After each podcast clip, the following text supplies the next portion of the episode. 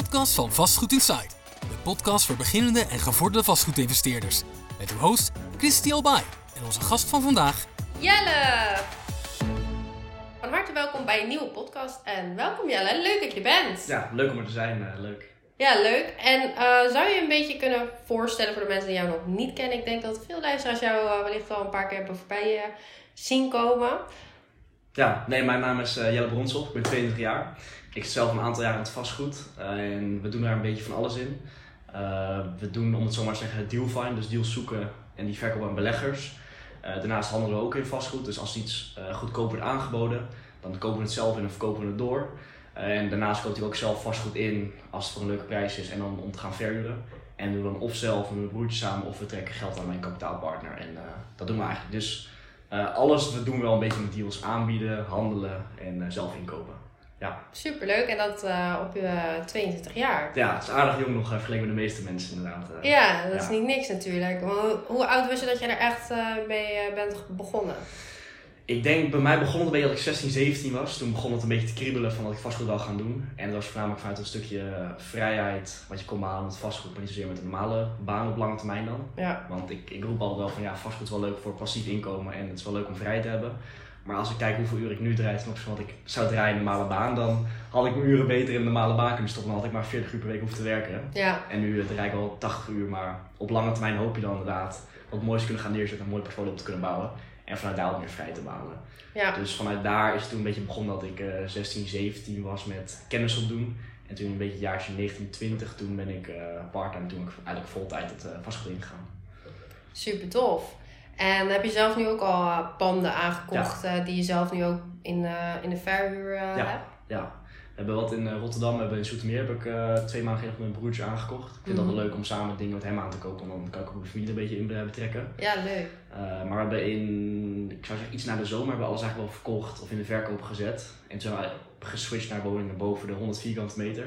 Natuurlijk puur een beetje te maken met Hugo de Jong met de regelgeving. Ja, Ik zat hier heel erg op te wachten om woningen van 60 tot 70 vierkante meter te hebben die net aan vrij sector waren. mhm. En die dan met de nieuwe wet en regelgeving terug zouden vallen naar 700, 800 euro huur. ja. Dus toen hebben we um, eigenlijk gewoon geswitcht alleen woningen boven de 100 vierkante meter eh, in de portfolio opgenomen.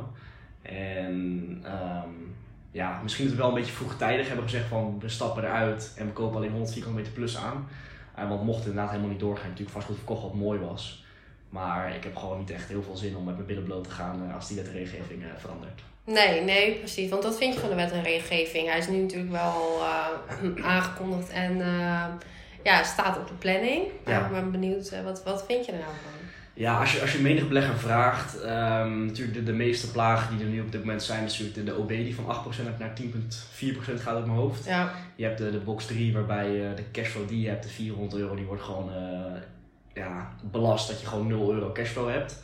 En daarnaast heb je natuurlijk de, ehm, de, ehm, de maximisering van je huurprijs in de middenhuur. Dat je net, als je in een vrije huursector zat, met je 800 euro huur, dat je naar de 1200 kon. En dat je van 1200 euro misschien terugvalt naar 800 of 900 euro huur. Uh, dus, dus die opstapeling van de regels maakt het wel dusdanig moeilijk voor investeerders om echt um, ja, vertrouwen te hebben in de markt. En ook, ja, vaak zeggen nu heel veel mensen, de, de overheid is onbetrouwbaar mhm. vanwege al die regels. Maar dat maakt het wel moeilijker. Maar ik ben denk best wel een beetje, uh, misschien jong in dat opzicht, misschien een beetje naïef. Maar ik kijk er meer in, ik koop een pand voor de volgende 30 jaar. En een kabinet die nu zit voor 4 of 8 jaar of twee termijnen. Uh, ik kan hem op zich wel afwachten. En ik weet wel dat het pand dat ik nu aankoop, dat over 30 jaar tijd is het meer geld waard. Ja. Dus zolang dat pand in de tussentijd onder controle kan houden, mijn cashflow kan blijven draaien en mijn lasten kan blijven dekken, is het voor mij prima. Ik doe het nu toch niet om de cashflow eruit te halen, want als ik op een pand 400 euro cashflow draai, uh, keer een jaar, is het 5000 euro per jaar. Nou, een keer week van x aantal panden, dan heb je misschien uh, 15, 15, 20.000 euro cashflow wat je eruit haalt. Maar ik lees daar toch niet van, het wordt allemaal doorgeïnvesteerd. Dus als die cashflow omlaag gaat, voor mij is het dan gewoon een pand dat ik minder zou kunnen aankopen aankomende jaren. Uh, maar ik weet toch wel dat het, de investering die ik gedaan heb, het is een mooi pand, het rendeert. Uh, en over 30 jaar is het meer waard. Dus zo kijk ik er een beetje naar. Ja. Ik, ik, zie wel dat het nu heel lastig is op de markt, omdat mensen uh, erover struikelen. Maar ik probeer het puur op lange termijn te, te. En een, kabinet kan ik in dat op zich wel afwachten. Misschien een beetje lief, misschien vraagt het me twee jaar en ik zeg met mijn handen in het haar van... Uh, oh, de wet en regelgeving helemaal op de kop gezet. Maar voor nu, uh, misschien dat met het portfolio nog niet dusdanig groot dat ik heel veel van merk. Ja, maar dat, dat eigenlijk. Ja, precies. Want ze geven nu wel aan dat het bijvoorbeeld de beleggers die tussen de 5 en 10 panden hebben, dat het die nu het meeste raakt. Mhm. En dat beleggers die dus meerdere panden hebben, minder raakt. Ben je daarmee eens? Ehm, is het dan dat puur gewoon vanuit dat de grote jongens wat meer een stukje diversificatie hebben? Dus die hebben een stukje ehm zorgvastgoed, een stukje uh, bedoel je hem zo een beetje? Dat... Ja, ook dat. En ehm, ja, heel veel grotere investeerders, die hebben natuurlijk ook vaak eh, dingen via de hun BV lopen. Ja. Dus die kunnen dat vaak overzetten. ja, klopt. Je hebt natuurlijk wel mensen die eh, bijvoorbeeld afgelopen jaar een pand hebben gekocht. Stel ze hebben 5 tot 10 panden. En ze draaien 500 euro cashflow per pand. Keer 5 is, is het 1500 euro. Dat is praktisch een modaal inkomen. Mhm. Als zo'n groep zegt ik heb 5 panden keer 500 euro. ehm, is een modaal inkomen. Dus ik stop met werken en ik leef van mijn huurinkomsten. En dan word je opeens teruggezet in je huur vanwege de regulering in de puntentelling. Ja, En je hebt je box 3 wat zwaarder belast wordt. Ja, dan heb je wel een probleem. Want dan is je leven zoals je hem voor je uit had gezet. Ik ben financieel vrij, ik stop met werken. Is dan in principe in het gat gevallen. ja, Dan ben je niet meer financieel vrij. Want dan moet je naar het werken om je lasten te blijven dragen. En ik denk ook omdat ik... ehm, natuurlijk, ik werk daarnaast ook gewoon nog in het vastgoed. En ik ben niet zozeer ge- gebonden aan mijn huurinkomsten om daarvan te leven. Mhm. Dus ik denk dat vanuit daar iets minder impact heeft op mij. Maar als het natuurlijk eh, primair afhankelijk zou zijn van mijn inkomen, voor mijn pensioen op dit moment, dan zou het natuurlijk wel dramatisch zijn. ja, Omdat ik daarnaast nog veel kan verdienen met handelsprojecten, is die hit op mijn cashflow niet heel, eh, heel boeiend. ja. Ja, en hoeveel, want jouw hoofdmoot binnen je bedrijf is waarschijnlijk, in ieder geval wat ik zo uit terug begrijp, is het handelen in deals. Ehm, en hoeveel deals pak je nou zo per jaar? Ehm, dat is heel, dat is heel verschillend, want je kan, je kan het, ehm, een, een, een doorsnee deal als dealfinder, om het zo maar te zeggen, ik vind dat een beetje een kutterm, maar goed. Ja, ik ben het helemaal met je eens. Ik ben een dealfinder verschrikkelijk. Nee, ik ben gewoon iemand die bemiddelt in vastgoed. Ja. Maar goed. Ehm, als je één deal doet, dan kan je een, standaardcourtage is 8000 euro. Mhm. Ehm, maar er, er zit best wel veel loopwerk. Het is twee partijen aan elkaar koppelen. Een verkoper die het verkopen voor een x-prijs en een koper die het kopen voor een x-prijs. En dan voor die 8000 euro moet je een beetje pingelen. Eh, het is veel geld hoor. Als je vergelijkt opzichte van normale mensen is het echt veel geld. Maar ik focus me liever op de wat, eh, op de wat meer marge, meer handelsprojecten. Mhm. Dus niet zozeer dat ik zeg ik doe eh, vijf woningen met dealfine dan twee handelsprojecten. Want ik focus me puur gewoon op de handelsprojecten, want daar zit gewoon meer marge in. Mhm. De ehm, tijd die je instopt is hetzelfde. Je zoekt een verkoper die zijn woning voor een x-prijs wil eh, weglaten. En dan zoek je een koper die x plus 20.000 euro voor wilt betalen. En het werk is precies hetzelfde, alleen de structurering achter de schermen is iets anders. Ja, Dus ik focus mijn tijd liever op, ik doe er liever iets minder van die deal van de deals van 8000. En dat ik me dan gewoon focus op als een handsprek komt van, van 20 tot 30.000, dat ik me daar gewoon ehm, in vastbijt. En dat die gewoon tot een goed einde leidt. Als ik daar dan 2, 3 per jaar van doe, heb je in principe al 70, 80.000 euro verdiend. ja, Uh, dus ik ben wat meer gefocust op de, de marge in de deals dan op de massa's, kassen en volume. ja. Ehm, dus het is, ja, het is lastig om daar, eh, daar echt antwoord op te geven. Als ik kijk naar afgelopen jaar, toen hadden we in het begin van het jaar hadden we toen Arnhem gedaan, hadden we toen 77.000 op verdiend. Toen had, daarna was ik over twee maanden een beetje van de kaart verdwenen. Ik was niet op vakantie gegaan en het ding geleefd, maar toen was ik toen had ik me gewoon met andere projecten bezig gehouden. Mhm. En gewoon gewacht op, op nieuwe, grotere projecten, wat meer marge op zat. ja. Dus het verschilt gewoon enorm. eh. Ja. Ja, precies. Ja, kijk, wij hebben het zelf ook eh, veel kleinere deals gedaan en dan ook wat grotere deals gepakt, inderdaad. En dan Ja. merk je ook dat de, in ieder geval mijn eigen ervaring is dat de grotere deals zit ook wel vaak, ja, het is niet per se hetzelfde. Ik heb Mhm. vaak wel, er zit inderdaad veel meer tijd, energie en eh, wet en regelgeving. Dus vaak moet je een jurist inschakelen en dan komen echt wel wel wat dingen bij kijken. Ja. Ehm, als je een deal van 15, 20k plus wil sluiten. Ja, dat is denk ik meer wat jij beredeneert. Jullie doen iets meer eh vergunningstrajecten. Dus je voegt echt waarde toe met een vergunning of een splitsing. En dan ben je natuurlijk afhankelijk van de gemeente. En zulke deals doen wij niet zo heel veel. Omdat, zoals al gezegd, dan ben je veel meer tijd kwijt met gemeente afhankelijk zijn van hun. En ik vind het veel leuk om gewoon te handelen door een project wat nu al staat. Dat gekocht kan worden voor onder de marktwaarde en gekocht kan worden voor de marktwaarde of iets onder. Ja, En het verschil tussen pakken met een ABC of ehm, via een andere bemiddelingsconstructie ja, is voor mij gewoon wat makkelijker. Want dat is in principe gewoon een handjeklap. Wat wil de verkoper hebben, wat wil de koper hebben. En het verschil kan in je, in je, in je zak stoppen, om het zo maar eh, te noemen. ja, Maar wat jij nou bedoelt met uh, vergunningstrajecten is enorm interessant. Daar kan je heel veel waarde in, in toevoegen. En als je kijkt naar aankomende jaren, dan is dat ook wel een van de denk, factoren waar mensen hebben als, ja, wat ze geïnteresseerd hebben als daar kan je veel geld in verdienen. Als je inderdaad weet hoe vergunningen werken, de juiste mensen binnen de gemeente kent. Ja. Dus dat is wel interessant om eh, te doen, ja. Ja, en ook als je weet natuurlijk hoe, als je een project hebt, hoe je dat moet verkopen aan de gemeente. Ja, Ehm, nee, dat is op zich een hele interessante kant op dit moment. eh, Ja. En ook logistieke vastgoed. Ja. Dat is nu ook wel een, eh, een, een mooie kans eh, die er ligt. Mhm. Ehm, er zijn natuurlijk heel veel partijen die daarin heel erg groeien. Als je denkt aan uh, PostNL Ja. of bol.com. Ehm, maar er is eigenlijk te weinig ruimte. Dus dat is ook nog wel een, een kant van het vastgoed waar nog heel veel te halen valt. Mhm. Maar jij focus je voornamelijk op residentieel, toch? Ja, residentieel, ja. Dat is puur gewoon omdat ik, ik ken het. Ehm, Mhm. Ik weet wat daar de wet en regelgeving is. En inderdaad in het logistieke. Ik zou me er wel kunnen gaan verdiepen en erin actief kunnen gaan zijn. Maar ik hou me nu gewoon bij wat ik, wat ik doe. Ja, Want ik vind het ook interessant zegt met logistieke vastgoed. Komen ook wel veel grote beleggers die daar naartoe geswitcht zijn. Maar hoe begin je daar dan in? Ga je dan eerst, je eerst een project en dan zoek je een koper? Of zoek je eerst een koper of eerst een project? Dat is een beetje, hoe doe jij dat? daar kan ik je wel wat meer over vertellen straks. Eh, wat komt eerst, het kip of het ei? Ik vind dat wel leuk met die grote projecten. Dat Ja. Nee, kijk, ik probeer het altijd vanuit logica te bekijken. Want. Mhm. kijk, ehm, met vastgoed kan je geld verdienen zonder zelf geld te hebben. Ja. Daar ben jij het vast en zeker wel met mij mee eens. Ehm, dus op het moment dat jij eh, zo'n deal wil gaan eh, verkopen, Mhm. dan zou ik uit logische wijs eh, eerst een partner zoeken die op zoek is. Mhm. En dan kijken wat hij of zij precies zoekt. En daar weer het juiste pand bij zoeken en dan koppelen. Ja. Ik denk dat in dit geval ehm, zo'n constructie het beste is. Ja, met je eens, want dan kan je heel specifiek voor hem op zoek gaan. En anders ben je meer gewoon, oké, ik heb een project en dan ga je bij iedereen een bericht sturen, heb je, heb je interesse, heb je interesse. En dan ben je vaak een beetje, ehm, ja, een beetje met hagel aan het schieten om te kijken of het blijft, blijft plakken. Ja, Als je een koper hebt, ehm, die zoekt bijvoorbeeld een, een x aantal vierkante meter met een hal erbij en zoveel parkeerruimte. En je komt een project tegen wat een beetje in, in, die, in die mold past, om het zo maar te zeggen. Mhm.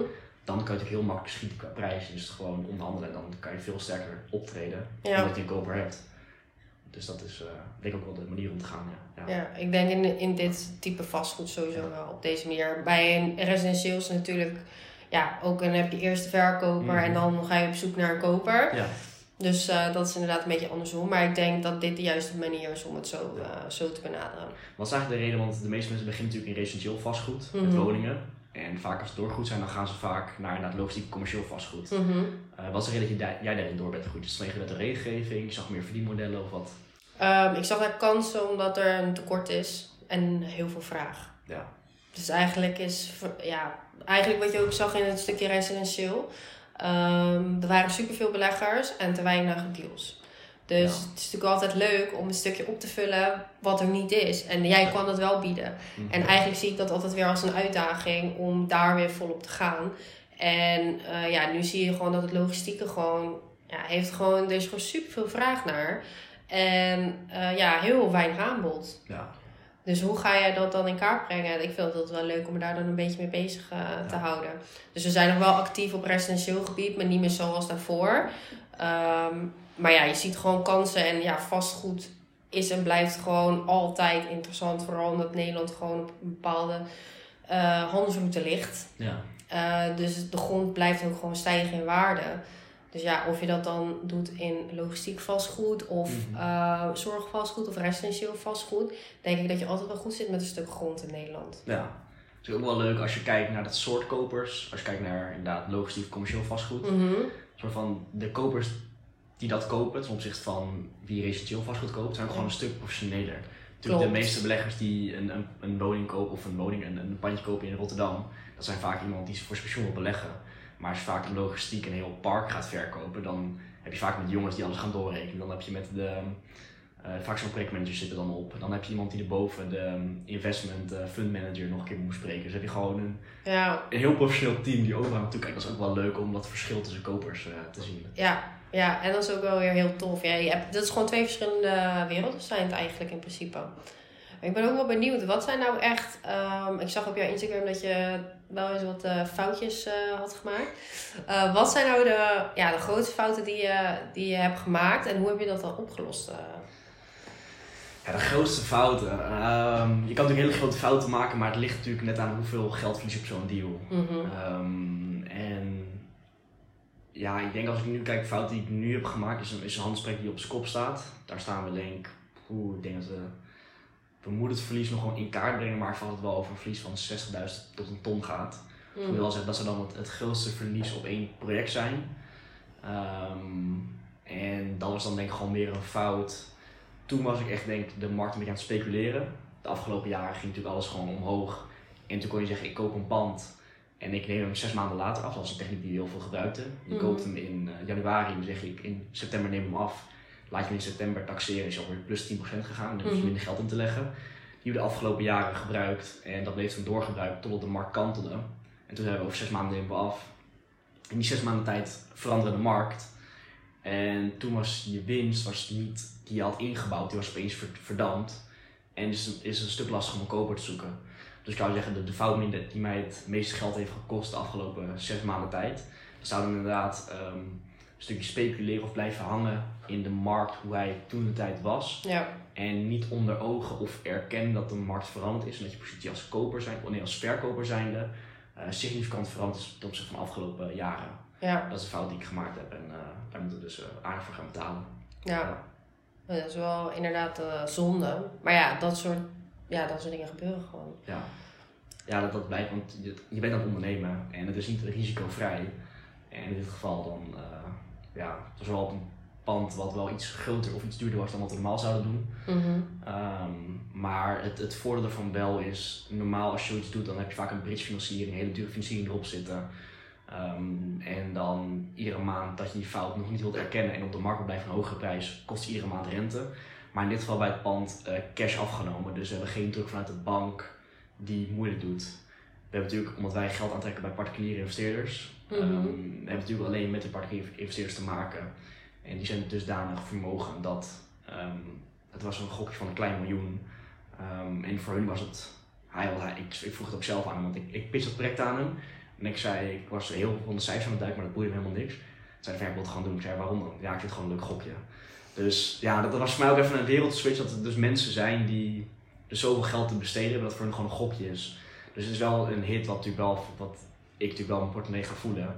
Um, maar ja, hij, hij vond het gewoon leuk. Dus we hebben niet een druk vanuit een monetaire instelling als een bank, die mij nu op dit moment pusht van je moet verkopen. Ja. Als, je, als je een handelsproject hebt lopen waarbij je door een externe partij zoals een bank of een financier onder druk wordt gezet om te verkopen, Mhm. en dan ga je natuurlijk vaak gewoon heel snel in je prijs omlaag om maar er vanaf te komen.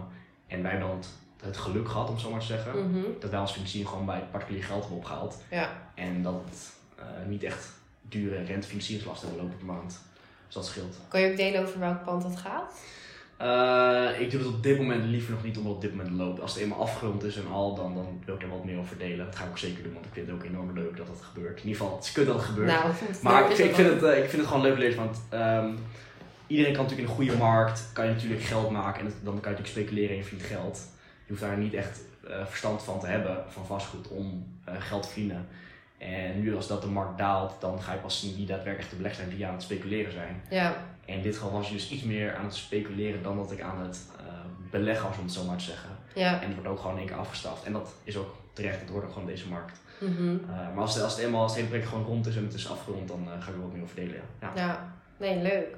Ja, je merkt gewoon dat sowieso, ja, wij hebben natuurlijk ook genoeg dingen meegemaakt dat er dingen fout gaan die gewoon serieus geld kosten. Ja. Maar ja, dat hoort er gewoon uh, eenmaal bij en af en toe komt er wel eens iets langs wat uh, niet helemaal perfect gaat. Klopt. Maar ik zag laatst ook iets van, wat was dat nou? Buitenland investeren. Oh ja, van het buitenland ook. Engeland was dat. Ja, daar had totaal, uh, toen hield ik geloof ik een screenshot op mijn store waar je nu refereert. Mm -hmm. Dat we een jaarrekening op hadden gemaakt en dat het 20.000 uh, euro verlies gemaakt. Mm -hmm. Ik dacht dat het 20.000 was, maar dat was blijkbaar voor 2021. Het afgelopen jaar 2020 was nog niet eens bijgekomen. Mm. Dus daar was nog een keer 20.000 verloren, was 40, 50.000 euro te verloren hebben daar.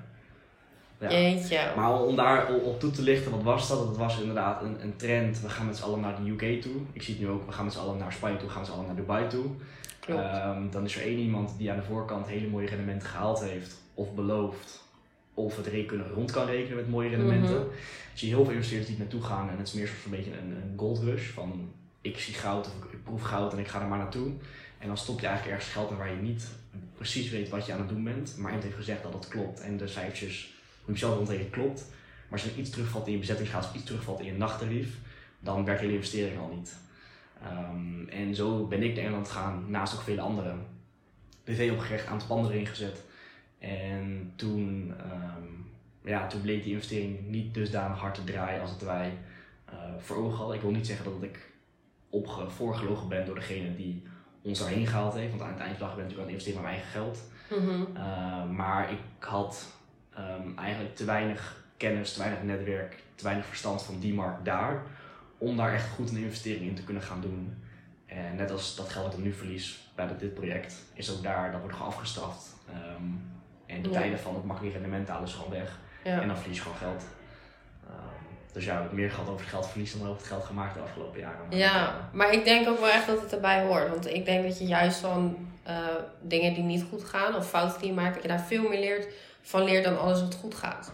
Ja. Dus ik heb liever iemand voor me die heel veel fouten heeft gemaakt en ehm, ja, daardoor heel veel heeft geleerd, dan bij iemand die het allemaal perfect is gegaan. Want dan is het ook heel lastig. Want soms, je hebt sommige mensen die hebben echt superveel geluk. En dan gaat altijd alles super goed. Ik weet niet hoe ze het doen, maar dat is dan heel mooi voor hun. ja. Maar ja, daar kan je niet heel veel van leren. Maar op het moment dat je dus bepaalde fouten maakt, Mhm. dan ja, ben je inderdaad of je speculeert, of het. Mhm. Ik denk dat iedereen zich er wel schuldig aan maakt af en toe. Ehm, en daar kan je dan juist weer heel veel van leren. Ja, maar ik denk niet zozeer dat dat ergens moet gaan speculeren. Maar ehm, ja, zoals jij al zegt, je leert pas als het je geld kost. Tuurlijk, ik, ik had, ik had nog Ja. zo lang kunnen doorspeculeren. Ehm, en als de markt bleef stijgen, dan was het van, oh, wat doet hij het goed. Hij is uh, vast een professionele belegger, hij kent alles. En dan werd je gewoon de hemel ingeprezen als een god. En dan zodra dat niet meer werkt, omdat je aan het speculeren bent, dan stopt, het, dan stopt de muziek. En dan verlies je geld. En dan pas, dan, dan ga je ervan leren. Ja. Als, dit, als, dit, als deze fout met 2000 euro had gekost, had ik niet gevoeld in mijn portemonnee. En dan had ik ook niet over, had ik niet eens wakker over hoeven te liggen. Dan had ik Mhm. niks van geleerd, dan had ik volgende keer gewoon een nieuwe fout gedaan. Ehm, maar ja, je leert veel meer van je fout dan dat je van je, van je winst doet. Van dat project in het begin van het jaar hadden we daar eh 77.000 euro hadden verdiend. Dat was even lekker. Ik, voelde me even een beetje het money, om zo maar te zeggen, voor die ene avond. Maar drie dagen later, toen dacht ik, oké, ja, volgende project. Maar ik had niet echt wat van geleerd, want het, het liep goed af. Ja. En als je ervan verliest, dan doet het gewoon pijn. En met die pijn dan ga je pas denken van oké, wat is er fout gegaan? Waarom is het fout gegaan? Mhm. Hoe had ik het kunnen voorkomen? Ja. En wat moet ik voortaan anders doen? En dan ga je nou echt een, niet per se een stappenplan, maar dan in de toekomst wil je gewoon niet diezelfde pijn krijgen van het monetaire verlies. En dan pas ga je het goed over nadenken om het om te veranderen. Ja. Dus ja wat, wat zou je nu dan ook echt anders doen door zo'n fout niet meer eh, te, te maken? Ehm, nou, dit was een hele specifieke fout. Ehm, de fout was niet zo dat ik aan het speculeren was. Het was meer, ehm, ik ben heel erg gefocust op cijfers. Uh, Mhm. residentieel vastgoed is het vaak vierkante meterprijs keer aan het vierkante meter is wat Mhm. de woning waard is. Maar in dit geval eh, was het ook zo. Dus dat woning was ook wel echt gewoon veel meer significant waard. Er zat gewoon 2 ton overwaarde, 2, 3 ton overwaarde op aan de voorkant qua potentiële winst. Ehm, maar ik had bepaalde factoren in de markt. Een soort van het verhaal achter de cijfers. Ik, ja, ik, wil, ik ben een beetje kritisch omdat ik niet alles weggeef, omdat ik dat later nog even moet, moet allemaal ondervinden. Maar ik was dus aan erg gefocust op de cijfers en de marge die erop zat. Dat bepaalde factoren in de markt of in de woning ehm, had weggecijferd. Als van dat maakt niet uit, er zit genoeg marge op, op basis van vierkante meters. Maar die vierkante meters, ehm, misschien een goed voorbeeld als jij een pand hebt van bijvoorbeeld eh, 300 vierkante meter. Dan eh, is 50 vierkante meter extra wel lekker. Maar die wordt niet tegen dezelfde vierkante meter gewaardeerd dan van 50 euro naar 100 euro toe. Klopt. En eh, in datzelfde opzicht, als jij bijvoorbeeld een woning hebt met 10 slaapkamers, die anders waardeert dan een woning met 3 slaapkamers maar. Ja. Bijvoorbeeld geen daginval hebt, of je hebt een, een, een benzinestation tegenover je voordeur staan. Mhm. Ja, dan kan je wel de, dezelfde woning hebben aan de binnenkant, dezelfde vierkante meters. Maar als, iemand anders geen benzinepomp voor zijn woning heeft staan, ja, dan is die woning toch meer waard. Ja. En die omliggen of omringende factoren, om het zo maar te zeggen. eh, het verhaal achter de cijfers, die had ik een beetje weggeschreven of niet dusdanig opgelet omdat puur gefocust op de cijfers. Ja. Dus ik wil ook niet zeggen dat het puur speculatief was. Dat ik puur zei van oké, eh, ik koop hem in voor x en over, over een half jaar tijd die x plus 10% waard. En dan heb ik pas mijn winst. Want ik, Mhm. zat wel winst in mijn cijfers al ingecalculeerd. Ook met een kleine eh, marktdaling. En ik heb natuurlijk ook heel veel professionals geraadpleegd, taxateurs, makelaars geraadpleegd. En iedereen zei, eh, zei ook gewoon hetzelfde. Ja. Uh, maar achteraf was er een bepaalde factor die ik zelf gewoon niet ingezien had. Zoals bijvoorbeeld omliggende factoren waar ik Mhm. rekening mee had moeten houden, maar niet goed had gedaan. Ja. Ja, dat is wel een mooie leerles voor de volgende dan. Ja, ja, ja, want dat ga ik nu bij volgende pannen ga ik niet alleen naar cijfers kijken, maar ook meer het verhaal erachter. eh. Ja. Dus, eh, ja, ik denk dat het sowieso altijd wel belangrijk is. Maar sowieso goed. Een mooie leerles, een dure leerles ook. Ja, maar liever op, op dit pand waar je dan op een miljoen waar je 60.000 euro verdient, of verliest, dan op een pand van 10 miljoen waar je 6 ton op verliest. Dat is allemaal relatief. Dus liever nu gemaakt dan uh, later over 10 jaar. Uh, ja. ja, nee, helemaal mee eens. Ik heb nog een uh, paar hele leuke vragen voor je, ja. voordat we hem gaan afsluiten. Ehm, het zijn drie vragen en ik ga starten met, uh, met, de, eerste, met de eerste vraag. Ja. Wat is jouw doel in het leven en hoe zie jij jezelf op je oude dag? Het zijn eigenlijk een beetje twee vragen in één. Ja. Hoe zie ik mezelf op de oude dag? Ja, ik denk dat ik het in principe hetzelfde doe wat ik nu doe. Want het is wel gewoon passief vastgoed. Ik denk het enige wat verandert dat misschien de woning groter is, de auto duurder is, het horloge duurder is. En misschien de vrouwen mooier zijn. Maar dat is denk ik het enige wat echt verandert op 60 jaar tijd. Want ik vind spelling gewoon enorm leuk, het vastgoed. Dus ja. wat ik nu doe, het handelen, het inkopen, het verhuren, uh, mensen op weg helpen. Dat zou ik over 30 jaar tijd nog steeds willen doen. Of 40 jaar tijd nog steeds willen doen. Ja. Dus ik denk dat er heel veel verandert. Naast dat uh, spullen iets duurder zijn. Maar dat boeit eigenlijk niet zo heel veel. Nee.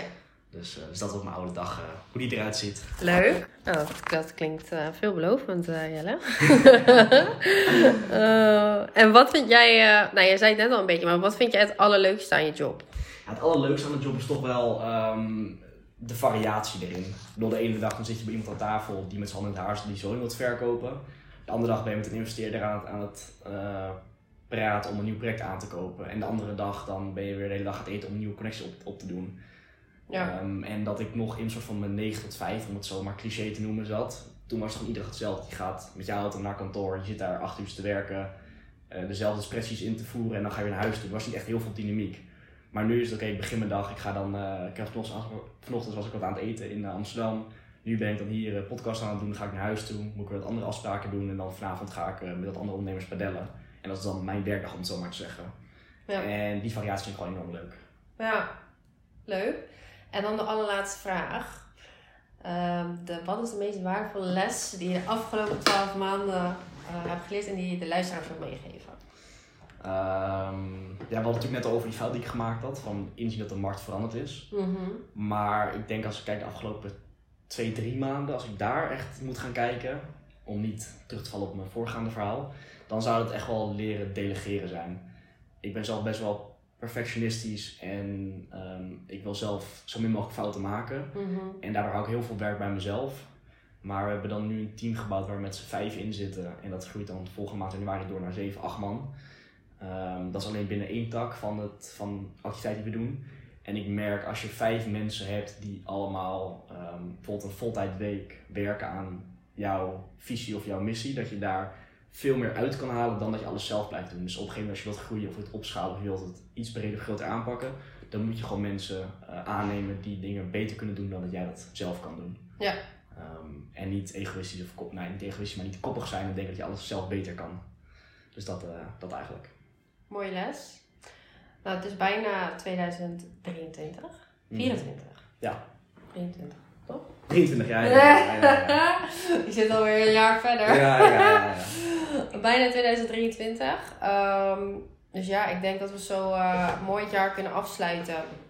En uh, vol gas het nieuwe jaar in kunnen gaan. Ja, dat zeker. Heb jij nog uh, goede voornemens of heb jij nog doelen voor volgend jaar die je wilt halen? Nee, ik heb wel doelen, maar goede voornemens niet echt. Want ik vind dat echt, uh, Over, ja, ja. ja ik, ik geloof daar niet zo heel erg in. Omdat, um, ja, ik heb daar zo mijn mening over. Omdat Ik denk, dat, ik denk dat wij dezelfde mening delen als ik het hoor. Maar meer, wat heb jij op jouw businessgebied nog iets van een doel wat je wilt halen? Dat we volgend jaar kunnen terugkijken en zeggen van, is dat nou gelukt of niet? Ehm, ja, ik heb wel doelen, maar wat ik, wat ik altijd doe, ik, ik vind het nooit zo fijn om dat dan zeg maar publiekelijk te delen. Tuurlijk doe, doe ik dat, Mhm. wat jij al zei, van hè, dan heb je het gedaan en dan heb je alles, dan kan je het naast elkaar Ja. leggen en denk van oké, het is me wel gelukt of niet gelukt. En Ja. dan kan ik het delen, maar niet tijdens het proces. Ik wil Ja. dat altijd vaak voor mezelf houden.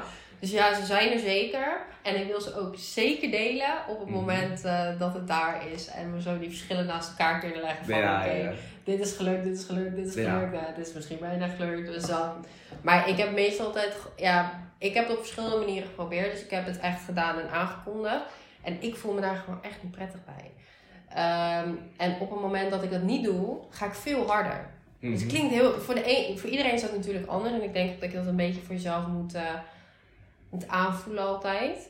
Ehm, maar daarom ben ik toch altijd, ik ben best wel een private person. Dus daarom is het ook best wel gek eigenlijk dat ik een podcast doe. maar ehm, ja, dan met dat soort dingen denk ik van ja, nee, toch wel fijn als je dat lekker voor jezelf houdt. Lekker gaat Ja. knallen. En dan heb je het behaald, heb je dat gevoel voor jezelf. En dan kan je delen van, hè, je hebt het wel gehaald of niet gehaald. Maar niet meer zo open en bloot. eh. Ja, heb jij wel eh, doelen? Ja, eentje wat dingen? ik, ik deel op zich wel mijn mening met jou, want je kan natuurlijk heel veel dingen roepen, maar er gebeurt zoveel in een jaar dat je kan zeggen, Ja. ik wil één business gaan doen, maar dan gedurende het jaar vlieg je naar de andere kant toe. Ja. Maar er is wel één ding wat ik sowieso wel wil doen, en dat is mijn broertje die nu nog in zijn, eh, in zijn normale baan of studie zit. Hem wil ik wel uit zijn studie halen en uit zijn normale werk halen en gewoon Mhm. eh, mee het vastgoed innemen. Dus als, er, als ik terug kan kijken aankomend jaar en als ik dan maar één ding zou kunnen doen van al mijn doelen of alles wat ik wil bereiken, ja. zou denk ik toch wel zijn om mijn broertje eh, het vastgoed mee in te nemen voor altijd. eh. Oh ja, dat is wel heel tof. Ja, dat is een hele eh, toffe doelstelling. Ja, klopt. Ja. Echt heel leuk. Oké, weet je broertje? Thomas. Nou Thomas, je hoort het.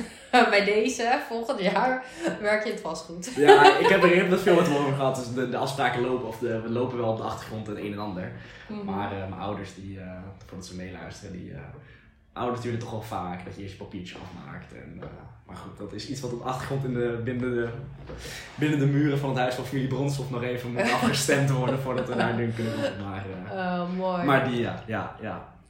Nee, leuk. En eh, waar kunnen de luisteraars jou vinden als ze ja, je willen volgen? Want je deelt ook best wel veel op Instagram, dus misschien Ja. ook wel leuk. Ja, gewoon op Instagram, maar Jelle laagstreepje vastgoed, daar kunnen ze me vinden. Nou, superleuk. Dan gaan we, bij deze gaan we de podcast afsluiten. En ehm, dan eh, horen jullie graag weer bij de volgende podcast. Ciao, ciao!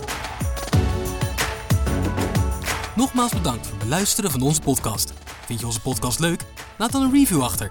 Of wil je meer over ons weten? Volg ons dan op Instagram via @matchpropertymanagement en @christyalbae. De podcast wordt mede mogelijk gemaakt door Match Property Management en Match Wonen.